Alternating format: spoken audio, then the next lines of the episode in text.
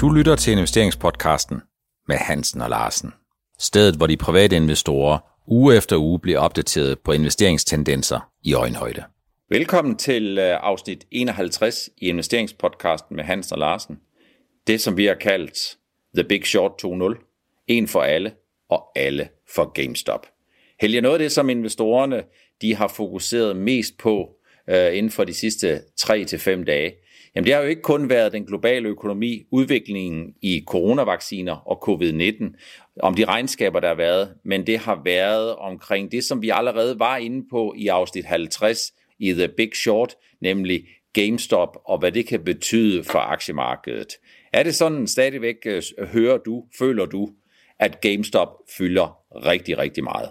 Det har fyldt rigtig meget, og jeg tror også fortsat, det vil fylde ret meget i, øh, i investorernes øh, debat og chat på de forskellige sociale øh, aktiemedier. Det er jo noget helt nyt, der er sket her, og det er jo, der bliver jo koblet det er en stor suppegryde, hvor der bliver puttet alle mulige holdninger ned og strategier ned, og ja, jeg ved ikke rigtigt, øh, hvad jeg skal sige om det. Det er faktisk lidt forvirrende, øh, det der er sket, og så konsekvenserne på sigt øh, kan jeg faktisk heller ikke overskue ret, ret meget af for, lige for øjeblikket, og det tror jeg faktisk ikke, der er mange, der kan. Så det bliver spændende at se, hvad der kommer til at ske videre i den case. Det vi skal snakke om i dag, det er jo 2-0, altså hvad der kommer til at ske i relation, eller hvad der allerede er sket, øh, samle en lille smule op på det, øh, og hvad der kommer til at ske fremadrettet, og ikke mindst om det her, det får en betydning for det øvrige marked i større omfang end det, vi allerede har set. Og så skal vi også en hel del ind på øh, regnskaberne og regnskabernes betydning for aktiekursen, det vi allerede har set, og den guidance, øh, der kommer for 2021. Men lad os starte ved GameStop. Hvis jeg skal prøve at summere en lille smule op, Helge, så noget af det, som vi ser øh, i markedet, jamen det er jo, at langt, langt hovedparten af de handler, som er sket i GameStop, eller nogle af de andre selskaber, som har været udsat for et shortsalgsangreb fra kapitalfonde, og som nu møder massiv, et massivt modpres fra de private investorer. Det kan være selskaber som AMC, eller KUSS, eller Naked Branded, Øh, at det vi har set der, det er, at langt hovedparten af de handler, der er sket, jamen de er sket inden for de sidste 7 til 8 dage. Det vil sige, der bliver lavet mange udsendelser om, hvor meget aktien den er steget, og hvor mange der har tjent penge på den. Men i virkeligheden, så det jeg tror, der er sket, det er, at langt, langt hovedparten af de handler, jamen de er sket på et relativt sent tidspunkt, og i hovedparten af dem, som har investeret i GameStop eller nogle af de andre, jamen de risikerer jo faktisk, hvis det var sådan, at der ikke sker mere herfra, så risikerer de nogle pænt store tab på deres positioner. Tror du ikke, det er sådan? Jo, det er jeg helt sikker på, det er.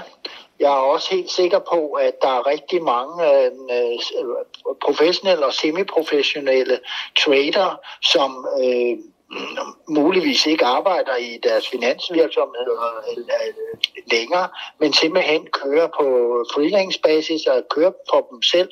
Jeg tror, at rigtig mange af de her dygtige folk, de har været med.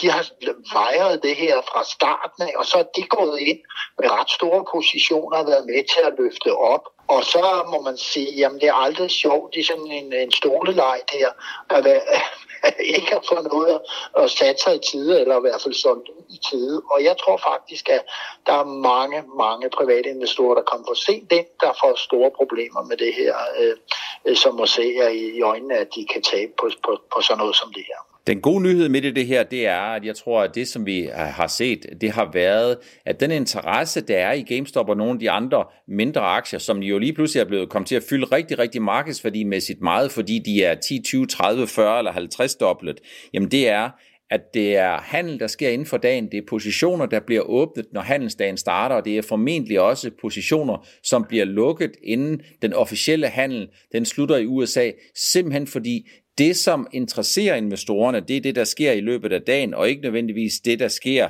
øh, hen over natten, hvor man ikke kan reagere øh, på det. Der er en del forvirring omkring selve handlen med GameStop, og der har været meget snakket om, der har været skrevet meget om to ting. Den ene, det er Robin Hoods rolle, Øh, og den anden, det er, at der er nogen, som, øh, øh, hvad skal man sige, øh, misforstår lidt øh, Nordnets rolle. Og den vil jeg gerne lige prøve at være meget opklarende overfor. Nordnet har på intet tidspunkt haft overvejelser om at lukke for handlen. Vi er ikke børs- og tilsynsmyndighed, men det er vores pligt at efterleve alle de regler og retningslinjer, der er, og det gør vi jo selvfølgelig.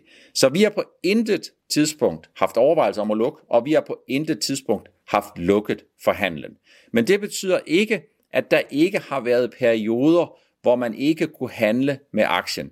Men vi kan ikke gennemføre en handel, når det er sådan, der er handelsstop i løbet af dagen. Og så vidt jeg er orienteret, så torsdag i sidste uge, det var formentlig en af de dage, hvor handlen den kulminerede, hvor der var mest handel. Jamen der skete der det, at børsen havde lukket for handlen i GameStop i kortere perioder af 1-2 minutter. Og det er klart, at Virus Nordnet kan ikke gennemføre en handel, når børsen den er lukket. Det giver sådan lidt sig selv. Man kan ikke handle hos Føtex, når Føtex er lukket, øh, medmindre man handler online. Og det er sådan set det samme. Så hvis det er sådan, man møder en situation, hvor man ikke kan gennemføre en handel, jamen så er det øh, formentlig, fordi børsen de dekreterer handelspause, og så kan vi selvfølgelig ikke gennemføre en handel, når forretningen den er lukket. Jeg håber, det er øh, opklarende i relation til rigtig, rigtig mange beskeder, jeg har fået øh, omkring, hvad det er, Nordnet de har tænkt sig. Vi har faktisk tænkt os at efterleve alle de regler, der er, øh, og vi har også tænkt os at imødekomme alle de ønsker, som vores kunder de har i relation til at få muligheden for at handle, både for så vidt angår GameStop, men også for så vidt angår nogle af de øh, andre øh, selskaber.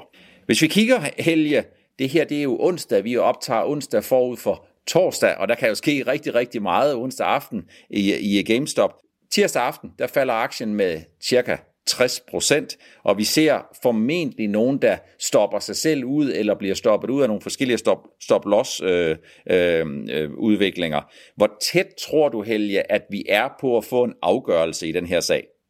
Jeg vil lige spørge dig, Per, er det sådan så, at alle shorterne har fået lukket deres positioner i GameStop? Ved du noget om det? Har du nogen informationer om det? Det har jeg ikke nogen information om. Det tror jeg faktisk ikke. Og hvis det er sådan, at der er nogen, der har lukket, så tror jeg, at der er nogen andre, der har åbnet. Det, jeg har læst mig til, det er, at for så vidt angår nogle af de aktier, der skulle ledes tilbage, så er der måske nogen, der har haft muligheden for at låne dem igen, men i stedet for at betale 4 eller 6 eller 8 procent, så det vi ser, jamen det er måske en udlånsrente, som måske snarere hedder 20, 30, 40 eller 50 procent pro anno for nye forretninger. Det er så langt, som jeg har kunnet læse mig til. Så er nogen af shortsælgerne blevet øh, stoppet ud? Det kan meget vel være. Har nogle af shortsælgerne selv valgt at trække stikket? Det kan godt være. Jeg ved det ikke. Jeg har ikke nogen information. Altså det, man kan sige, øh, øh, som man, man, man meget, meget ofte øh, op, øh, som trader, man, øh, man, man gør, øh, øh, og også hvis, og uanset om man er short eller long, det er, at man prøver at afveje situationen, og så tager man en ny position, som måske kan gå mod den, som man nu, øh, den, den man nu er inde i. Og derfor, øh, når du siger, at der er åbnet nye short i aktien, så er det jo helt oplagt at gøre det, når den har fået sådan en voldsom stigning, og der er en uafklarethed nedenunder, om hvad der skal ske. Øh, og hvor den faldt vist også i forgårs, så der er jo der taget pænt stort fald, som vi faktisk øh, forudså i øh, den seneste podcast, vi lavede sidste uge.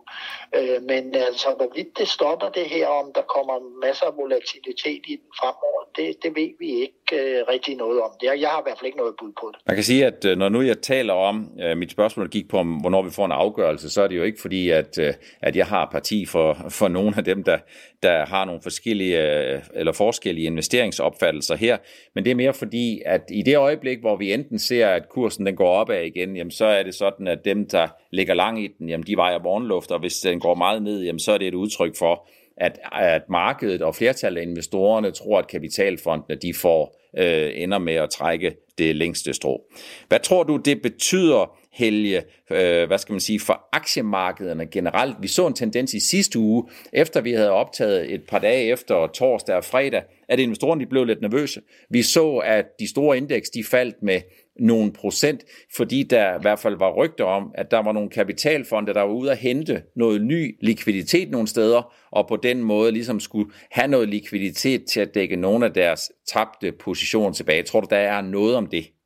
Ja, det tror jeg faktisk, der er, for det er jo helt oplagt, at hvis man lige pludselig står og skal bruge, hvis man lægger meget hårdt investeret i både long og short øh, øh, instrumenter, og man lige pludselig skal reagere på et trussel i, for eksempel, at man ligger med nogle short, der, der skal lukkes ind, øh, leveres tilbage, og man skal købe dem i markedet, så er det jo helt oplagt, at man ser på sin long position og sælger ud af dem. Og og, og lige pludselig så kom der jo en masse kommunikationsstøj omkring det her i markederne. For det, for det, det lød jo ligesom om, at de her øh, hedgefonde, det var kæmpe store globale fonde, der kunne komme i klemme øh, på, på lige GameStop.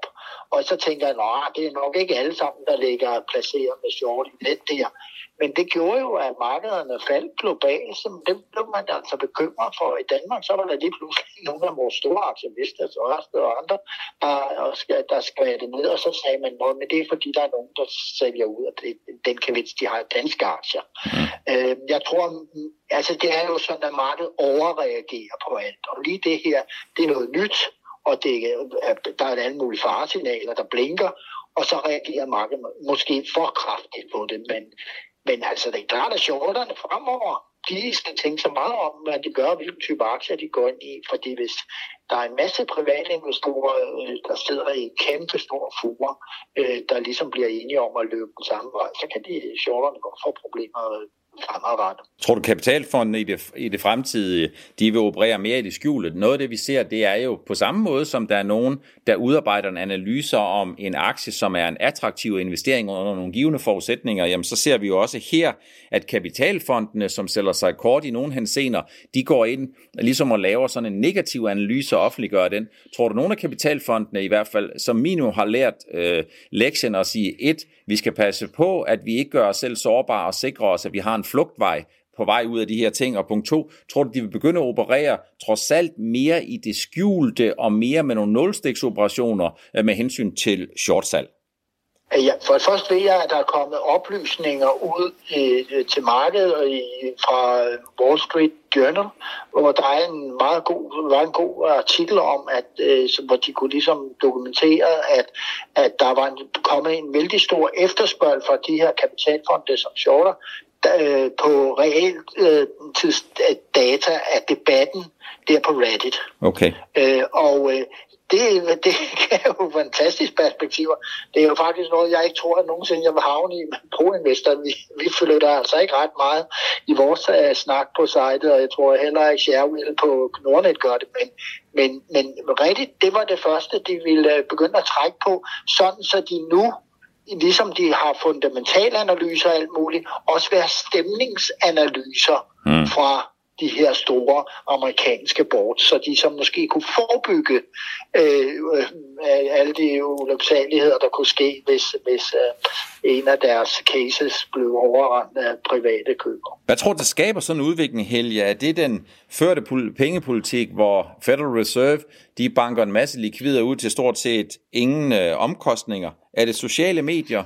Er det et generelt oprør? Er det tiden? Eller hvad tror du egentlig, som er det, der har været den tung, tungestvejende årsag til, at det her det er nu? Åh oh, ja, altså du nævner jo fire ting, øh, som, som alle sammen til sammen faktisk kunne godt, øh, det kunne være den samlede drivende faktor, øh, du fik fat i det her.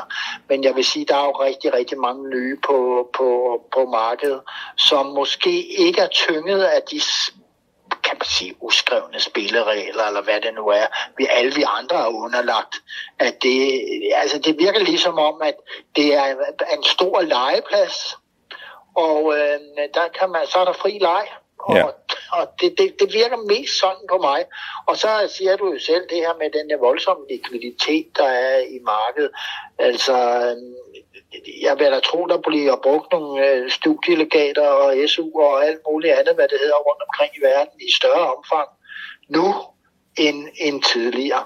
Men vi skal bare huske, at der er stadigvæk de der professionelle, semi-professionelle og alle de her store trader i markedet. Og der er jo nogle, Goldman Sachs, når jeg kender nogle, nogle folk derinde, faktisk, de siger, vi trader på alt. Mm. Der er ja. ikke noget, der er for småt, og der er ikke noget, der er for stort. Og, og det er jo sådan, når man ser en tendens i markedet, så er der jo mange, der løber med. Øhm, og, og så kan man jo så håbe øh, for de store, at de er bedre til at komme ud i tid, end for eksempel mange små. Men øh, Øh, det, det, det ved man ikke så meget om. Men jeg tror i hvert fald, at øh, de har nogle bedre robotter til at styre mange af de her ting. Mm. Vi går i gang med investeringspodcastens afsnit 51 af Hans og Larsen, The Big Short, en for alle og alle for GameStop. Spørgsmålet er, om musketerien den kan holde både på kapitalfondssiden eller, og eller om den kan holde på de private investorers side. Det er noget af det, som investorerne de snakker rigtig, rigtig meget om, og det kommer vi sikkert til at høre meget om de kommende uger. Men der sker jo også meget andet. Vi er lige midt i regnskabssæsonen, Helge. Vi har generelt fået nogle gode eller meget gode regnskaber, vi har fået de amerikanske teknologiselskaber, som i det øh, generelle tilfælde kommer sindssygt godt ud. Microsoft, Amazon, Google, Netflix, Facebook. Øh, de kommer alle sammen godt ud. Hvis man kigger på et selskab som Tesla, så kommer det jo faktisk i virkeligheden øh, lidt dårligt ud, hvis man kigger på EPS og forskellige andre ting, men det er ikke noget, som investorerne synes at have været skuffet særlig længe over. Vi har fået regnskab fra de amerikanske banker, det har været ok, uden at være prangende, og investorerne er stadigvæk nervøse for, øh, om vi har set de sidste regninger fra covid-19, for så vidt angår realøkonomien, og for så vidt angår bankernes risiko for øh, at lide nogle tab. Hvis vi kigger til Danmark, ja, vi optager jo onsdag, og her onsdag morgen, jamen der har vi jo fået et ret godt regnskab fra Novo Nordisk. Eller er du enig i det, Helge? Nej, det, var, det, det, lå jo på konsensus. Jeg synes, det, det var et rigtig, rigtig godt regnskab. Men jeg tror, det som at vi ser en stigning her til formiddag øh, onsdag, hvor vi optager, øh, jeg tror, det som øh, man rigtig belønner her, det er jo, at man man guider højere, lidt højere, end man umiddelbart havde forventet for 2021. Så jeg vil sige, der er også nogle ting i regnskabet, som måske det her med deres uh, Ozempic, deres nye ting og Rubellus tabletten, altså det er jo i, i fantastisk vækst, og det regner man også med vil komme fantastisk væk fremover. Så øh, ja, og fedmeforretningen vil køre op. Jamen, Novo, det er bare super business, som always. Altså, det, er bare, det er jo bare en pengemaskine af dimensioner her, som, som der er ikke andet at sige til hatten af for det. Så man kan sige, hvis noget af det, som du øh, bringer på banen her, Helge, det er noget af det, som investoren fokuserer på, det er Novos udmelding om en vækst i omsætningen i lokal valuta i 2021 på 5-9%, hvor forventningerne forud for det måske snarere lå på 3-6%, og så vidste investorerne godt, og det siger Novo Nordisk også, at der kommer til at være valuta modvind i 2021, ja. og valuta modvind, det svarer jo til den i, i hovedsagen til den dollarsvækkelse, vi har set siden marts og april og frem til ultimo 2020. Ja, det er sådan, at det, det er jo en dark horse. Øh, man kan jo afdække valutaerne som på den ene eller den anden måde, men, men generelt kan man ikke, man kan ikke klare sig op mod øh, lokalvalutaen, når den hedder dollar. Det, der, det vil man jo få en mindre bundlinje på, når man omregner det til danske kroner. Det er der ingen. Det er sådan, at det er bare. Tirsdag der fik vi et rigtig godt regnskab fra Koloplast. Vi har tidligere fået meget, meget solide regnskaber fra de to danske forsikringsselskaber, øh, Tryk og Top Danmark. Kommer vi ud af regnskabssæsonen, Helge, med indtrykket af virksomheder, som er fuldstændig toptrimmet, som har brugt covid-19-udfordringer, det er et langt stykke hen ad vejen, i hvert fald dem, som er mindre konjunkturfølsomme, og dermed måske mindre covid-19-følsomme, og ligesom siger, jamen det er helt sikkert, vi kan hverken komme ud og rejse, vi kan ikke komme ud og flyve, så vi bliver ved jorden, og det bliver vores omkostningsforbrug også. Jamen, det er jo sådan, det ser ud, og hvis du ser på USA, jamen, de der tech-giganter, du nævner, jamen, det er jo nogen, der profiterer af sit, sådan set af, af situationen med covid, altså, jamen, hvor man sidder hjemme, og man bruger meget mere tech øh, i sin dagligdag, og man bruger sociale medier og streaming, og you name it, altså, det, det, det lider, har de rigtig godt af, og jamen, og fordi du har sukkersyge, det går ikke væk, fordi du har covid ude i samfundet, så derfor øh, profiterer Novi Nordisk jo selvfølgelig øh, øh, på, ikke profiterer, det er forkert. Altså, derfor kan de køre kerneforretningen videre, uden, uden nogen problematikker i relation til covid-19 andet. Det kan være fra svært på distributioner og møder og alt muligt andet, men det går altså faktisk jo smadret godt alligevel. Ikke? Så Ja, men jeg tror, at det, mange af de her store industri- og farmaselskaber og tech-virksomheder, de kommer, fin, de, de kommer med fine regnskaber. Så er der så bare en masse selskaber, som er rammes af covid. Det, det, det, det har vi snakket om nogle gange før. Det, der, må, der skal vaccinerne altså udbredes meget mere, før de får gang i jul og nedlukningerne, de skal øh, annulleres. Ikke? Ja, det bliver det bliver spændende at se hele underskoven der. Noget af det, vi tidligere har snakket om, Helge, øh, i over et øh, par afsnit, det har jo været, at den svækkelse, der har været i dollaren, om den ville komme sådan øh, både uventet, ubelejligt og også uheldigt for investorerne. Noget kunne måske tyde på, når man kigger på regnskab for Koloplast og regnskab for Novo Nordisk, og måske også nogle af de andre selskaber, som har øh, en pæn stor dollareksponering. Det kan være Lundbæk øh, for eksempel, det kan være Novozymes, øh, det kan være Demant.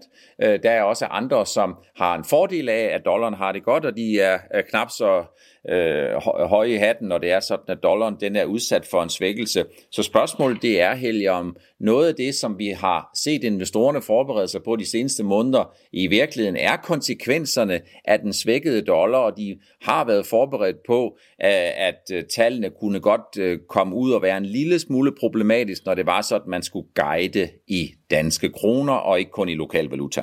Ja, jeg synes, jeg har lagt mærke til det der fænomen. Det har vi også snakket om før. Altså, det synes jeg, jeg har lagt mærke til i Novo. Altså her det sidste kvartal her, øh, kursudviklingen der, den har været meget træ for, for ikke at sige øh, lidt volatil. Når der var lidt modvind og sådan noget, så røg den øh, lidt mere tilbage, end jeg sådan set havde regnet med. Jeg havde faktisk regnet med, at hvis ikke dollaren var jeg, jeg har nok kalkuleret med, at hvis, øh, hvis dollaren havde holdt så højt, så ville Nova haft en bedre kursudvikling i sidste kvartal øh, 2020. Og så du kan nok have ret i, at, at, øh, der, man har taget forskud på, på, på øh, et, at dollaren falder. Øh, og nu har man så været rigtig glad i dag som, som Novo investor. Der, den er stedet pænt. Det var alt, hvad vi havde valgt at tage med i det 51. 20. afsnit af investeringspodcast med Hansen og Larsen. Uh, husk, at vi stadigvæk rigtig gerne vil have de gode bidrag, som I er flinke til at sende ind til, og adressen er altså fortsat investeringspodcasten snabel af nordnet.dk. Vi høres ved igen i næste uge i afsnit 52. Tak fordi I hørte med.